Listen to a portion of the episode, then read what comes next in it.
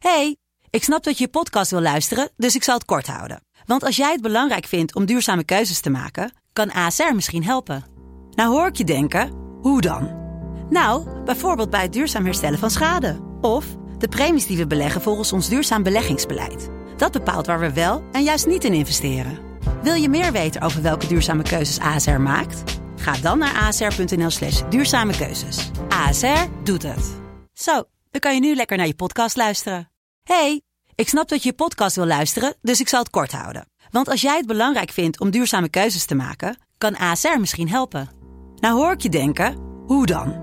Nou, bijvoorbeeld bij het duurzaam herstellen van schade. Of de premies die we beleggen volgens ons duurzaam beleggingsbeleid. Dat bepaalt waar we wel en juist niet in investeren.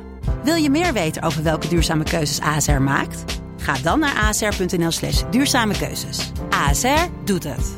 Zo, dan kan je nu lekker naar je podcast luisteren. Want dit is Mand, de kortste podcast van Nederland. Ryan, we gaan het hebben over puppies. Waarom zou je een puppy nemen? Ja, om te wandelen, om te knuffelen, om mee te spelen. Weet om- je hoe je een puppy eh zindelijk krijgt? Eh, nee. Gewoon schoppen. dit was Mand. Mand.